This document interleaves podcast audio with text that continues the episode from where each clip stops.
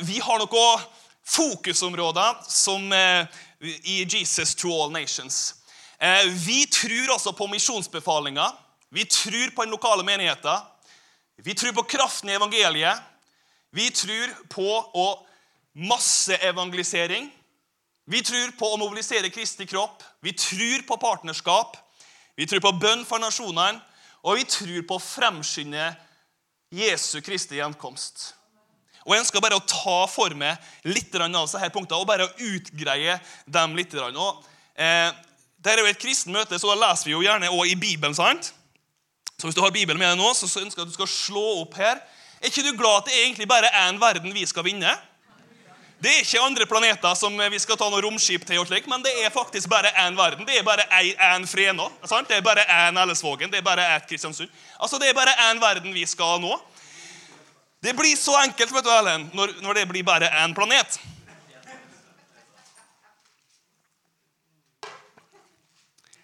Og Vi skal lese fra Markus 16. Jesus sier til dem Jeg vet ikke, men eh, noen av de siste ordene Jesus sier, er akkurat det her. Og jeg er den oppfatning at Når jeg er på mitt siste og jeg har mine nærmeste og kjære rundt meg, så kommer jeg til å velge hva jeg sier til dem med omhu. Det tror jeg du òg ville gjøre. Jesus gjør i hvert fall det. Og han sier her i kapittel 16 i Markus, fra vers 15 Han sier dem, 'Gå ut i de deler av verden som det er koselig å ferde til.'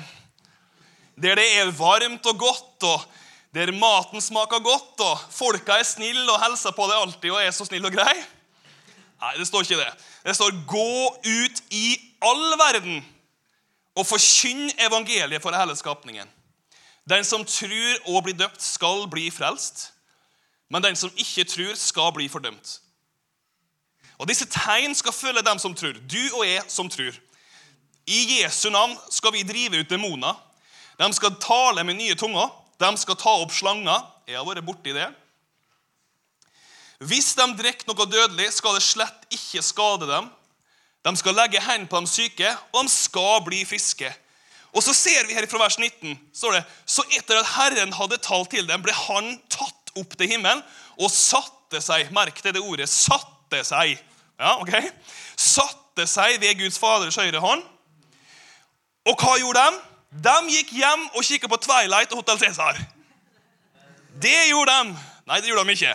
Det står de gikk ut og forkynte overalt.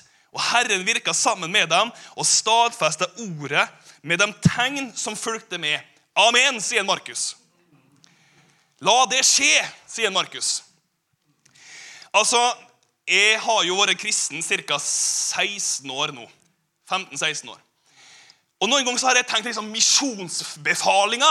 Altså, Det er liksom traust over det. Sånn litt tungt. Det er befalt å gå ut. Ja, det må han jo gjøre hvis han skal være en god kristen. så må Han jo, han har jo befalt at vi må gå ut. Altså, Det er liksom, nesten litt sånn klamt jeg vet ikke.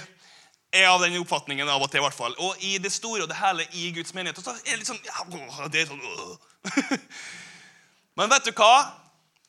Livet med Jesus, når du og jeg har et genuint møte med Jesus, har en genuin relasjon med Jesus, så blir det her så enkelt. Når du og jeg ser Jesus klart og tydelig, når du og jeg, jeg blir hodestups forelska i den han er, ikke er så fokusert på alt det vi skal gjøre for han, men blir kjempefokus på den han er, det han har gjort, det det betyr for meg, det jeg kan få ta til meg av alt han er, av liv, av fred, av godhet, av forsørgelse. Alt han er. Jeg liker en setning her. Jesus han er den som passifiserer alle våre behov fordi han møter alle våre behov. I synet av han, i møte med han, så blir alle våre behov som skriker til oss, stille. Og Det er noe som jeg bare ønsker å oppmuntre veldig til. Og så, jeg tenker litt sånn da, Når du er på en god restaurant, så anbefaler du den restauranten. Da tenker jeg nyt Jesus før du gjør noe som helst for Jesus. Nyt fellesskap med han. Oppskatt relasjonen med han hver dag. Start dagen sammen med han. Bare vær sammen med han. Ikke la bønn og lessing av ordet bli en sånn må be og lese. Men la det bli Jesus snakk til meg. Jeg ønsker å bli bedre kjent med det i dag. Vis meg det jeg ikke ser, vis meg det jeg ikke vet. Jeg har lyst til å se det og vandre i lag med det i dag. Det er det som Vet du hva? Hvorfor har Jesus befalt oss det her? Det var ingen andre engler liksom, i himmelen som han har befalt det her. eller Vi er dem som er privilegert til å ta med de her gode nyhetene ut. Det står I, i Matteus står det i vers, kapittel 24 og vers 14 står det det her evangeliet om Guds rike skal bli forkynt som et vitnesbyrd, noe sjøl opplevd. Når du har opplevd dine opplevelser sammen med Jesus, det er det Jesus har bestemt at det skal være en gjeng som har opplevd han, som skal bringe det her videre ut der de er, og utover landegrensene. Sånn er det evangeliet skal forkynnes. Ja, nå har jeg lært meg hva jeg skal si. Nei. Det er et liv du har med han, som skal bli dypt og veldig grunnfesta. Så er det sånn da når du Jeg vet ikke, Har noen her vært forelska? Jeg har vært, og er fortsatt veldig forelska. Ja. Altså, Johannes han er jo utsatt på første rad. Sånn er det bare. Men altså tenker jeg nå at Johannes da, han kommer på skolen en dag i Molde. Yes. Han kommer på skolen, og så ser vi bare på hele ansiktet hans at det er noe med en Johannes. Og så kommer jeg bort og så sier jeg, 'Johannes, hvorfor er du så happy?' da, sier jeg. Og han er bare glad, sant? Se på han. Ja. Og liksom eh, Nei, det er ikke noe spesielt, sant? Og så, altså, Johannes, hvem er det? Hvem er det, Johannes? Ah, det er jo Magda. Det er jo Magda, sant? altså, Det er umulig når noen er forelska. Det er synlig. sant? Det beste du og jeg kan gjøre for evangeliet, det er å leve i denne forelskelsen sammen med Jesus. Og ut ifra det så blir det kjempeenkelt å dele. Folk vil spørre hvorfor er du så glad. Hva er det som bare lyser av det? Jeg vet du hva, jeg er forelska. Ja, forelska?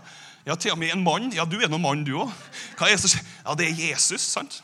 Det blir enkelt når du er i en opplevelse av den Jesus er. Gi han en skikkelig, skikkelig applaus. Ja. Så Misjonsbefalinga er gitt til det og med som et privilegium det er ingen andre som kan dele evangeliet, fordi at du og jeg er den eneste skapningen som har fått oppleve evangeliet. Og det skal gis videre til mennesker som er i behov av å høre det som du har fått lov å oppleve. Vi tror på den lokale menigheten. Vi tror på forsamlinga som det her. Nært og fjernt. Det bildet jeg vet ikke om du ser det, men det er litt sånn gråt. Det er en menighet i Vietnam. Der ble det frakta med, med finlandshetten på en scooter. kan du tenke deg? Skulle liksom ikke se at jeg var en vestlending. sant? En stor vestlending bakpå en scooter. Men altså, det skjer jo det at jeg er en vestlending. sant? Den i hvert fall ikke kommer fra Asia, for den er jo litt mindre av størrelse. sant? Men i hvert fall, vi tror på den lokale menigheten verden over som feirer Jesus i dag, som er verdens håp, fordi Jesus bor i det og med som er en kristen. sant? Ja? Jesus sier i Matteus 16, vers 18.: Jeg vil bygge min menighet. Og dødsrikets porter skal ikke få makt over den. Amen. Jeg vil bygge min menighet, og dødsrikets porter skal ikke få makt over den. Menighet er et gresk ord, eklesia, som betyr å bli kalt ut. Når vi tar imot Jesus, når mennesker tar imot Jesus, så blir de kalt ut av verden og blir en del av Guds familie. Gud blir pappa, Jesus er vår frelser. Og så blir vi satt sammen som brødre og søstre som har fått oppleve Han. Og så er jeg av den oppfatninga at menigheten det er også Guds hemmelighet. Du og jeg er Guds hemmelighet. Jeg tror ikke du og jeg aner egentlig hvor masse hva jeg skal kalle det sprengkraft, eksplosivt sprengkraft, som finnes i det og med av påvirkningspotensialet ut i verden. Det tror ikke vi helt skjønner. Jeg vet ikke om du husker ifra om du ikke gjør det, så sier jeg det gjerne. Ifra apostelgjerningene 2 det kalles for menigheten sin fødselsdag. Når Den hellige ånd kom på pinsedagen, så var det sånn at de var 120 stykker som var samla opp på et loft i Jerusalem. Og så kommer Den hellige ånd, og de blir fylt med Den hellige ånd. sant? Og hva skjer? De, en gang er de ute der blant folket, og det var en stor sånn, festival som foregikk. Der det var folk fra hele regionen der. Religion, der kommer det igjen hele, hele regionen der. Og så talte de til og med i et språk som gjorde evangeliet forståelig. Den hellige ånd er kjempegod på å la evangeliet bli forståelig for dem rundt oss. Han gjør ikke ting merkelig eller merkverdig. Han gjør ting forståelig. Men tenk på det, på den dagen der så var det 3000 mennesker som ble, ble en del av menigheten. På én dag. Tenk på det! Tenk på den kraften som finnes i det fellesskapet her av påvirkning, som, som er virkbart til en viss grad. Men det er så mye mer. Det ligger i, uh, det i DNA-et til det og meg å utbre oss. Tenk på det! Det ligger nedfelt i det og med som Guds menighet å ekspanderes. Det går litt lenger, og så står det plutselig så vokste denne skara av mennesker som trodde på Jesus, til 5000. Og da står det ikke noe annet. Det står 5000 menn. står det plutselig. Plutselig så Det er en bibelsk terminologi der de utelater kvinner og barn, for nå blir det for mye å telle. Så de sier bare 5000 menn, og så pluss da, kvinner og barn. Det er en helt enormt sprengkraft i evangeliet. Og I dag er vi ca. 2,5 milliarder troende som bekjenner seg til Jesus. Tenk på det! Siden den dagen der. Så jeg har sånn tru, og vi har sånn tru på den lokale menigheten. Og når vi reiser altså Jeg sier vi fordi det jeg har vært en del av, det blir vi nå. Eh, I forhold til å nå ut også til ulike folkeslag. Eh, så er det sånn at Vi tror på den lokale menigheten, og det er ikke alle plasser der det finnes en lokal menighet. Han her, Hvis noen husker det, så heter han Babulal. Han er en god venn av meg og oss som bor i India. Min første tur sammen med Dag Hegseth til India, til de unådde, var til en by som heter Rongsai. Vi sier ofte det var the wrong side, fordi det var bare det var en spesiell plass. 100% muslimsk fordi Taliban i det området holder på å bygge et av sine hovedkvarter. Så når vi går ut av bilen, så er det en, ikke en halvmeter inn til hotelldøra. Du går rett inn i hotellet sant? for at ingen skal se det at vi er der. Og Ute på den risåkeren så har vi en kampanje der vi samla litt over 3000 mennesker. Og I den plassen her så var det ingen menighet. Det var ingen pastorer. Så når vi hadde sett tusenvis av mennesker som responderer, hva gjør vi? Det er ingen menighet her.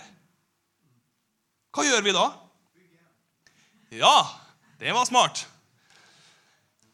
Han her, Babylal, da, han vi spons, det som er I hver sånn satsing som vi har, så legger vi inn i budsjettet og støtter lokalet til å kunne fortsette oppfyllingsarbeidet to år i etterkant av en satsing. Det er litt greit å vite. Så to år etterpå at vi har en satsing til et spesielt område, så er det oppfølgingsarbeid som pågår. Han her da, han har kjørt 35 km på denne motorsykkelen som han har blitt sponsa med. Nesten hver uke ut i denne gjengen her og samla folk. Samla dem som har tatt imot Jesus. Og nå i dag så er det over 200 i Rongsai, i denne satsinga som vi hadde der i 2012, som samles der. En venn av meg som heter Daniel, han var der nå i fjor, i, i, i høst, på høsten i fjor. Og Han sa at det var folk som hang inn vinduer, som sto utafor, for det var ikke plass nok til det bygget som blitt bygd der. Ja, Det er nydelig, altså. Så vi har tro på den lokale menighet, vi har tro på å starte menigheter. Og være med å støtte opp under de lokale menighetene og hjelpe de lokale troende til å nå enda lenger inn, og spesielt da ut og mot de unådde. Veldig bra. Vi tror på kraften i evangeliet. Paulus sier i Romerne 1, vers 16 så sier han, 'Jeg skammer meg ikke over Kristi evangelium', for det er Guds kraft til frelse. Det er ikke din og min kraft. Det er ikke hvor flink vi har vært og bedt eller fasta eller planlagt eller fått til, eller hva det enn skulle være. Det er hans sin kraft. Kraften i evangeliet, det Jesus har gjort når vi formidler det til mennesker, så skjer det fantastiske ting, altså. Da skjer det fantastiske ting. Og jeg, jeg har en litt sånn Hva jeg skal si, da? Noen ganger, altså jeg har jo en reiser jo masse og besøker forskjellige sammenhenger. Sånn, og så er det mange som sier til ja, men de skal se på mitt liv at jeg er en kristen og kommer til å tro på Gud. Altså så Se på vandringa mi at eh, Ja, han er en kristen. sant? Og det er ikke noe feil ved det, så jeg tar ikke helt og spenner føttene av den der. Men folk trenger å høre ifra dine lepper, faktisk. De trenger å høre evangeliet gjennom dine ord. For det handler ikke om hvor perfekt ditt liv skulle være. Det handler om De gode nyhetene, budskapet om det Jesus har gjort, det er der kraften ligger. Ikke at vi har så sammen så flotte liv, og at de skal se det. Så klart skal ikke våre liv streke ut våre ord. De skal jo understreke det.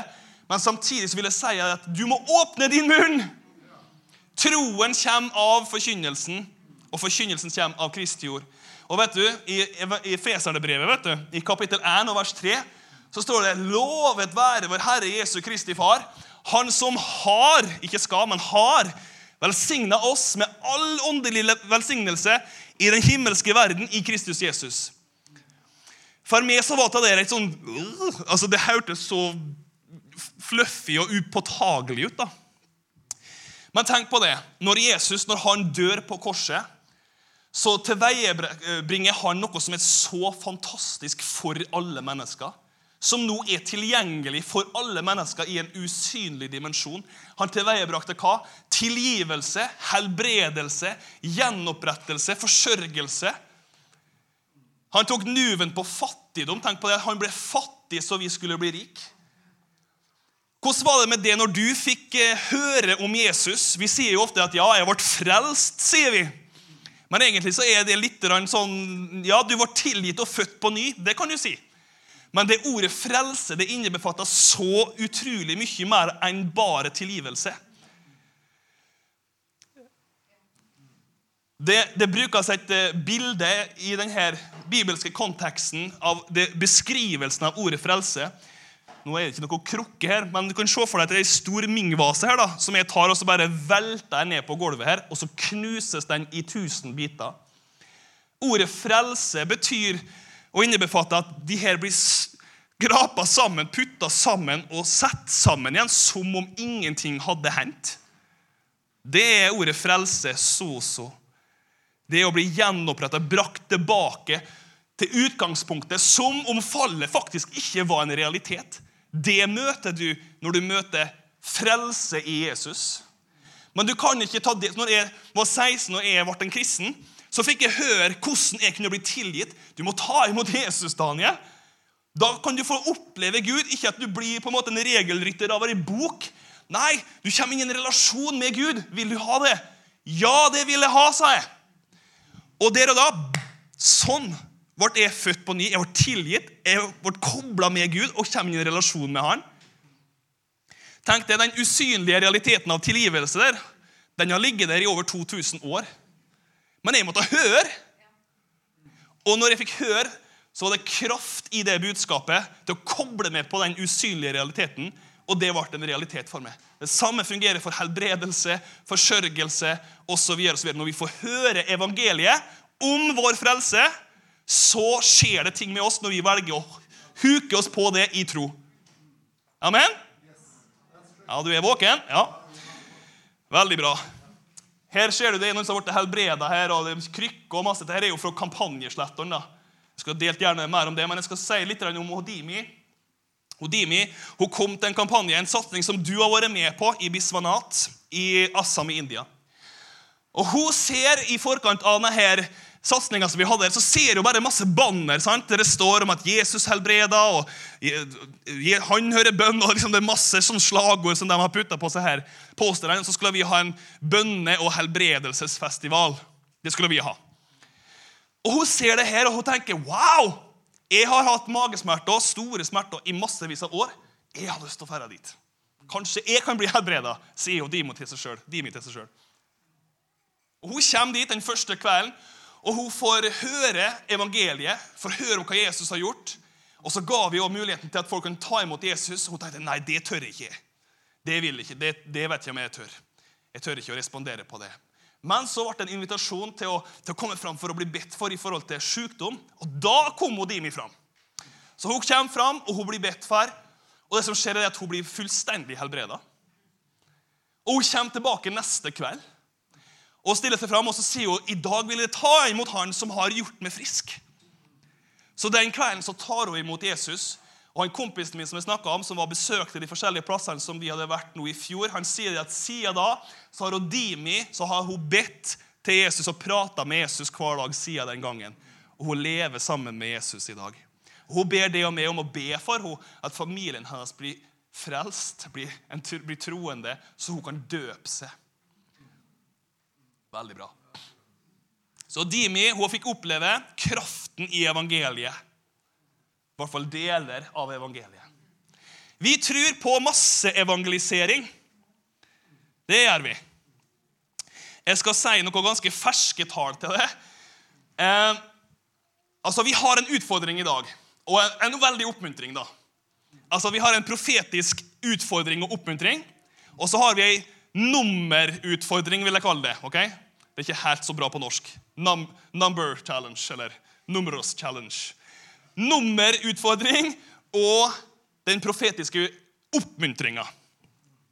Så i Matteus kapittel 24 og vers 14 står det og dette evangeliet skal bli forkynt som et vitnesbyrd for alle folkeslag, og så skal enden komme. Ok? Eh, I dag så er det litt- over over 17 000 folkeslag på planeten.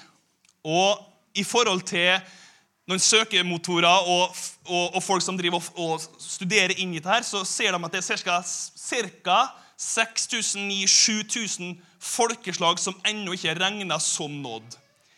Og de tallene som de bruker der, det er altså tall der de tenker at hvis det er under 2% av det folkeslaget som ikke tror på Jesus, så regner ikke vi dem som nådd. Men de har hørt evangeliet, sant?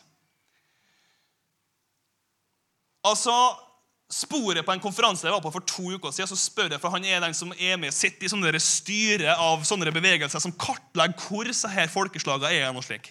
Så spør jeg ja, men hvor mange folkeslag er det igjen da, som ikke har hørt noen gang. da, sier jeg. For de har jo hørt i de folkeslagene her, fleste av dem. Så sier han til meg ja, du kan jo tippe sjøl hva du tror. Hvor mange folkeslag er det igjen globalt som ikke har hørt? 3000? Det er rundt 200 folkeslag. Det vil si at det her profetiske vinduet da, om at Og så skal enden komme, det holder på å gå i oppfyllelse. Det vinduet holder på å lukke seg. Det vil si at Jesus kommer veldig snart. Så spør jeg men hvor er seg her hen, sier han. Ja, har vi visst det? Det er anslagsvis. Så har vi vært der, sier han. Det er det så her som driver, har jobba med dette her i 40-50 år for å kartlegge så her plassene. her.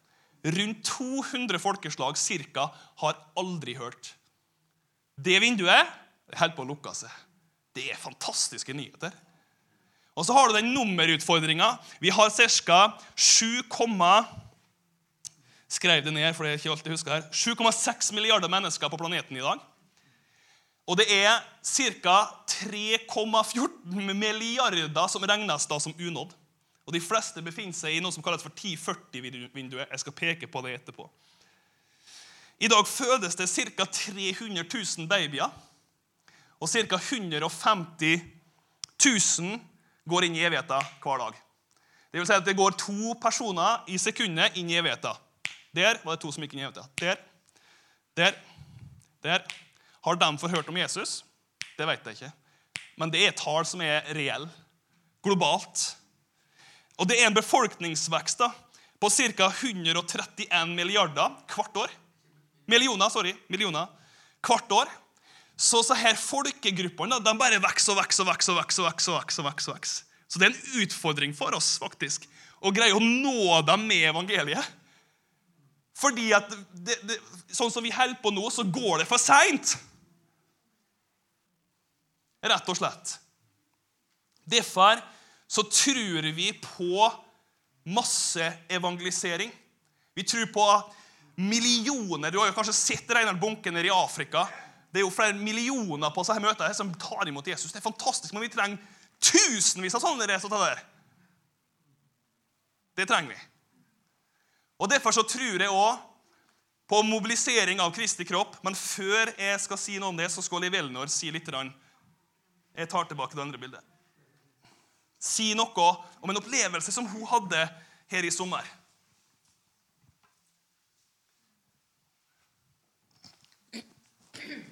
I sommer så var vi og familien i Flekkefjord. Og det, Vi var der i 14 dager sammen med datter og sønn og svigerdatter og barnebarn og svigerforeldrene til Bjørnar. Og da var vi ikke langt unna Saronsdal.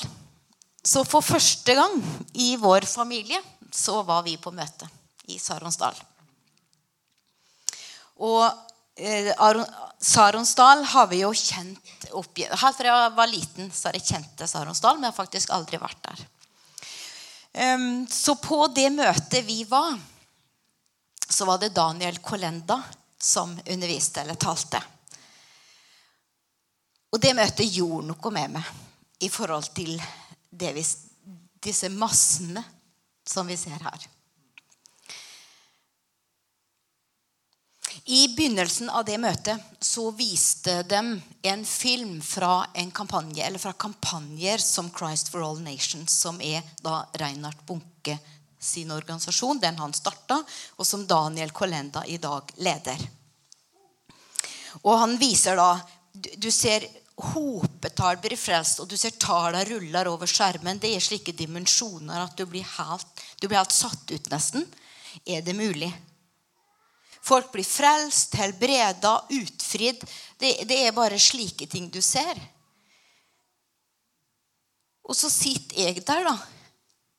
Og så tenker jeg litt sånn Ja, det var da voldsomt.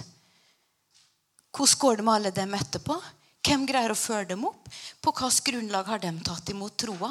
Sitter jeg med litt mitt kyniske norske sinn, fornuftige hode, hvordan kan det være mulig? Hvordan kan de ta imot på en overgitt måte på en kampanje på tre dager tusenvis av folk i et nytt område? Så begynner Daniel Kolenda å undervise.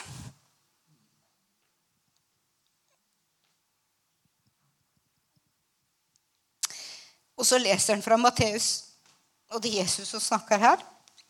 Matteus 13, vers 16 og 17. Og så sa han, men salige er deres øyne, for de ser, og deres ører, for de hører. For sannelig sier dere, mange profeter og rettferdige har ønsket å se det dere ser, men fikk ikke se. Og har ønsket å høre det dere hører, men fikk ikke høre. I dag så ser vi en veldig innhøstning over hele jorda. Den mange før oss har lengta etter å se. Og mange har gitt sitt liv for at vi skal få se det vi ser i dag. Aldri har så mange tatt imot Jesus som i vår tid. Så forteller han noe av det som på en måte åpner øynene mine for en dimensjon som jeg ikke har forstått. Og Da sa han at de har funnet notater etter David Livingston. Han var født i 1813 og kom inn som misjonær i Sør-Afrika i Afrika i 41 og nådde lenger inn enn noen andre. Så skriver han David Livingston Det er lite frukt av arbeidet. Ingen tar imot. Men så sa han men en dag i framtiden vil andre stå i en rik høst og gi at ikke de må glemme oss da. Og Daniel Kolenda forteller også videre om et gravsted han besøkte der det var masse hvite gravstøtter uten navn på. Så bare tall. Og så spør han tall. Og da er det tallet antall dager de misjonærene var i det landet før de ble drept. Det sto fem, det sto tolv, det sto 21. Mennesker som har sådd inn sitt liv for evangeliet.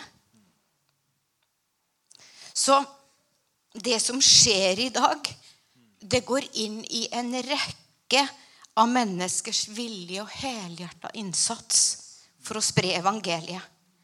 Og vi er så privilegerte som får lov å se og høre og oppleve en slik høst som så mange har lengta etter før oss.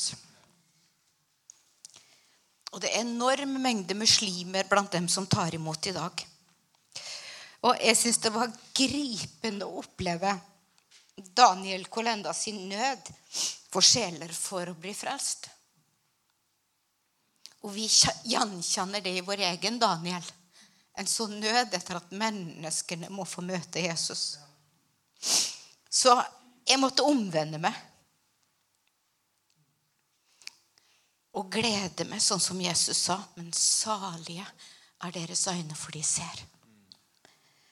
Så la hjertet berøres av det vi ser i dag. Og, og ikke bare avfeie det som en flopp. Det går altfor fort. Det er ikke mulig å følge opp. Det er ikke, det er ikke sjans, liksom. La hjertet, hjertet vårt berøres av det Daniel forteller. Han forteller om massene som aldri har hørt. Og da, må, da, er det massene som må høre. Og så ligger det i svært mange nasjoner og land rundt i verden frø som har vært sådd av misjonærer opp gjennom årene.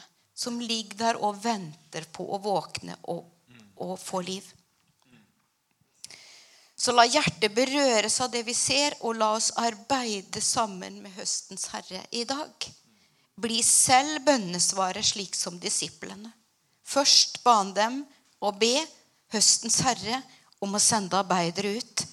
Deretter ble de selv sendt ut.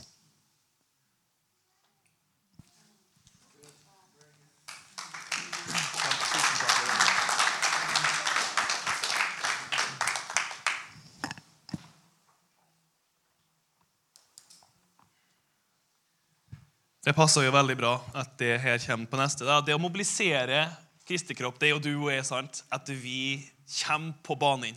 Vi, du og jeg trengs på dekk på denne bergningsskøyta, du og jeg, med våre liv, med det som vi har, det som vi bærer på. Jesus han sier i Matteus 9, som hun akkurat nevnte, og Elinor òg, han sier det at eh, høsten er sannelig stor, og det er den. Men arbeiderne er få. Be derfor høstens herre å drive ut arbeidere til sin høst. Og vet du hva? Jeg har bedt til Gud om å få være et sånn ekballo-rop.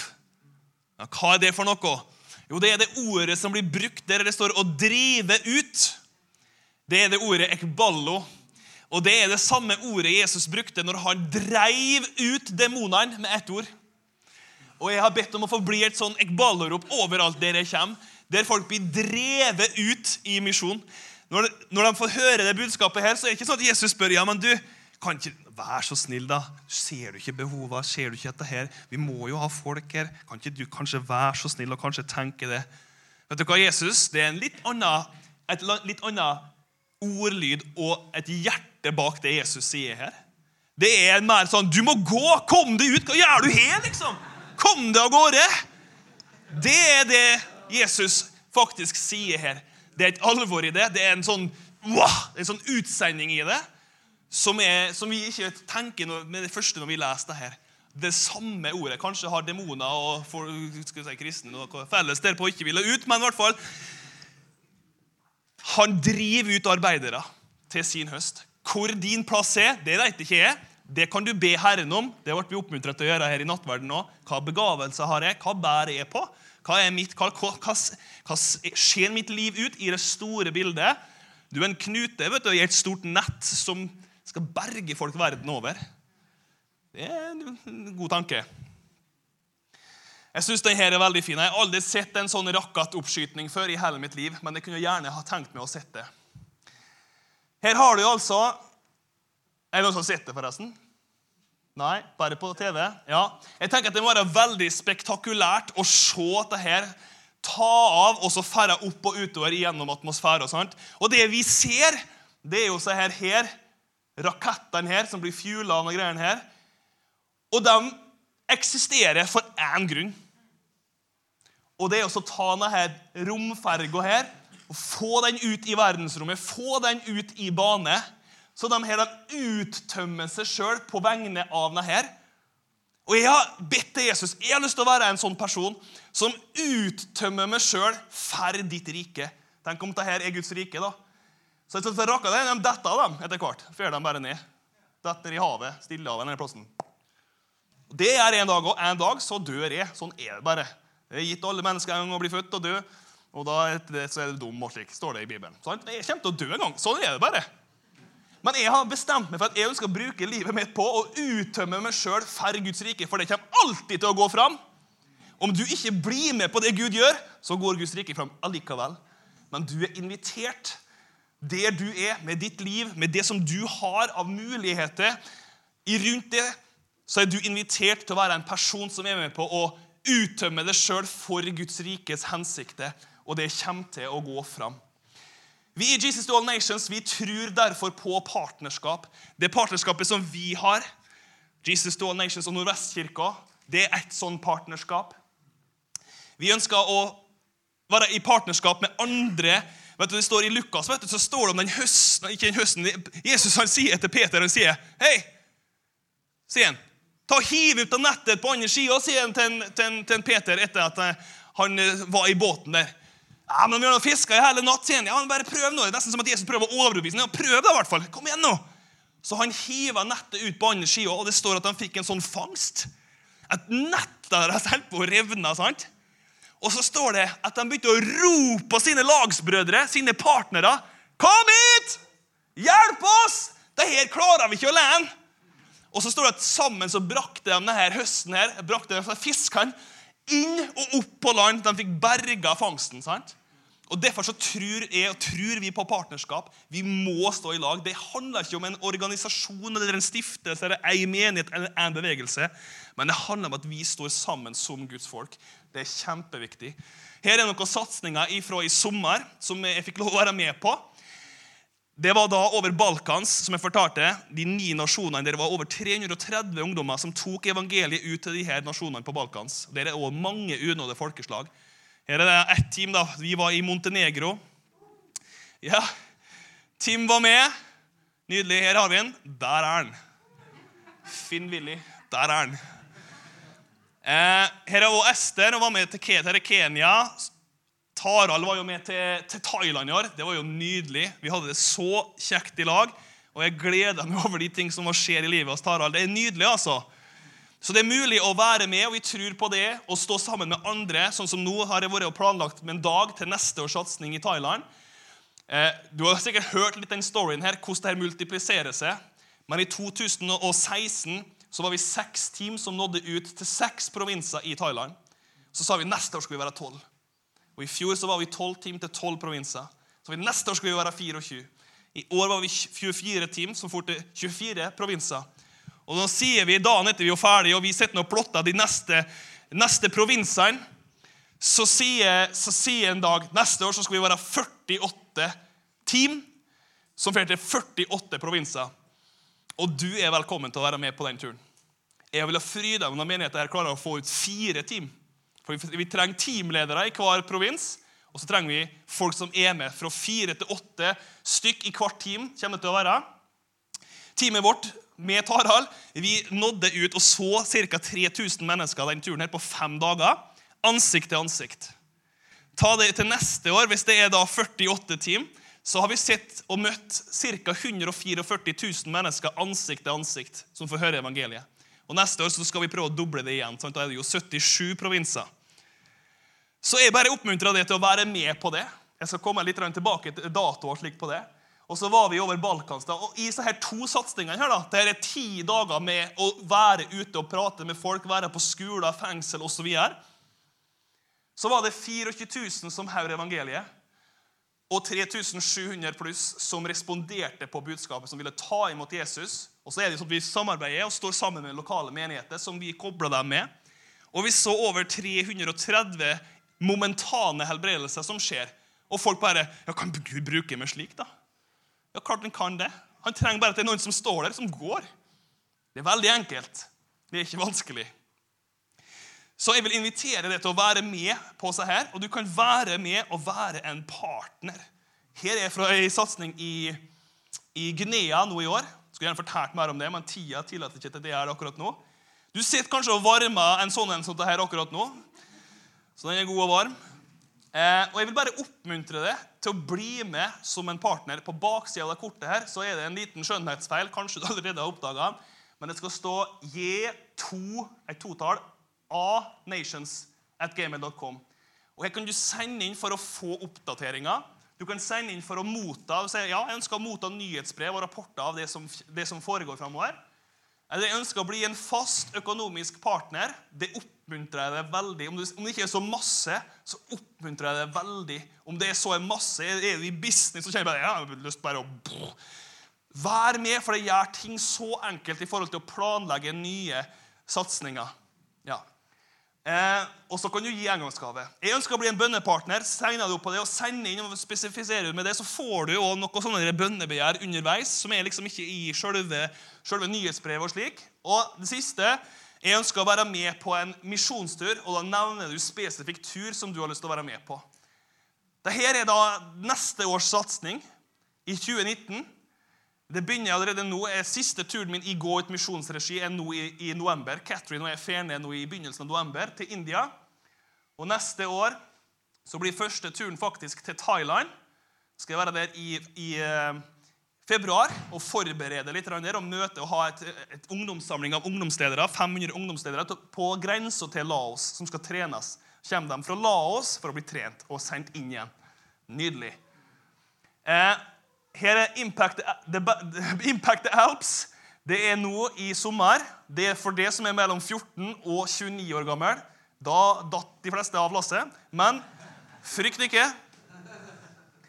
Og det er da i, eh, i, slutten av juni og ut i august. de her datoene. Kom og prat med meg om du er interessert, så kan vi få kobla deg på der. Og så er det Thailand-turen fra 25. juni til 1. juli. Der er det så bra å kunne ta med og familier ut på tur. Dag hadde med sine fire døtre en gang her, og de for som familie. De var et eget team og besøkte skoler og rundt omkring og delte evangeliet. og Det var en sånn opplevelse som en dag hadde der. Og han sier at her må familie være med på. Så kan du ta ei uke ferie vet du, etterpå igjen, for det er bare ei sant? Så kan du ha ei uke på stranda og palmer og kokosnøtt og det, det som er. Og så kommer vi til å prøve å få til en satsing her i Etiopia. Da er det mer sånn Jørn Strand à la Ut i bushen-misjon. Altså, han han har jo en sånn eh, trailer sant, som kan åpne opp. Det har vi jo holdt på å skru sammen nå. Eh, skreddersyren, som vi kan ta oss inn til unådige folkeslag. Med en container bakpå, så vi bare smungs oss det her, så er scenen klar. Sant? Og så er det å forkynne evangeliet og koble dem med de lokale troende og dem som er med oss derifra, ifra Etiopia. Så det skal vi prøve å få til i april. Og så er det I oktober så har jeg lyst til å prøve å få til begge disse to her på vestkysten av Afrika. Togo og Benin. Litt opp i Her er 1040-vinduer, som jeg nevnte i stad. Her er det mest befolka og mest unådd akkurat i det området her. Så da er to etter hverandre her i, i oktober, og så Bangladesh i november. Har du lyst til å være med på tur? Si fra til meg. Det er ikke vanskelig å få til. Det er ikke det. Vi tror at nei, ta må være vanskelig. Nei, det er så enkelt. Vi tror på det å be for nasjoner. Og nå skal jeg gå for landing, for nå ser jeg du har lyst på fårikål. eller vet ikke hva som venter hjem. Jesus sier, 'Be med'. Tenk på utfordringa her. Be med, og jeg skal gi det folkeslaga som din arv. Det engelske står 'I will give you nations as your inheritance'. Vi tror på det å be for nasjoner. Og jeg vet ikke om du har lest I apostelgjerningen så står det at de ville gi seg sjøl til bønnen og ordets tjeneste. De hører i lag. Og jeg tenker at Noen ganger så blir vi litt som vi skal liksom gjemme oss i bønn, og så bo, bo, bo, Gjemme oss i bønn. Men vet du hva? De første troende de ba, og så gikk de. Det fungerte som to føtt. Du ber, og så går du. Og så tenker jeg sånn at Det å be vet du, det er som å tenne på dynamitten. Men du må stikke ned dynamitten en plass der han vil komme i funksjon. Stikk den i jorda hvis du skal sprenge berg. sant? Evangeliet er som den dynamitten. Så du tenner på i bønn, og så stikker du den i folks hjerte, og så slår evangeliet til. Så det fungerer sammen. Så vi tror på bønn for nasjonene. Det gjør vi. Og den siste her som jeg ønsker å highlighte, det er at vi tror på å fremskynde Jesu gjenkomst. Tenk på de 200 cirka, som er igjen av dem som aldri har hørt. Og Det funka ikke på norsk, det er ordtaket her, da, men det står The end has not yet come because the job has not yet been done.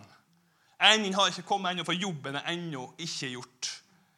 Så helt til slutt dette evangeliet om riket skal forkynnes som et vitnesbyrd i hele verden, som et vitnesbyrd for alle folkeslag, og så skal enden komme.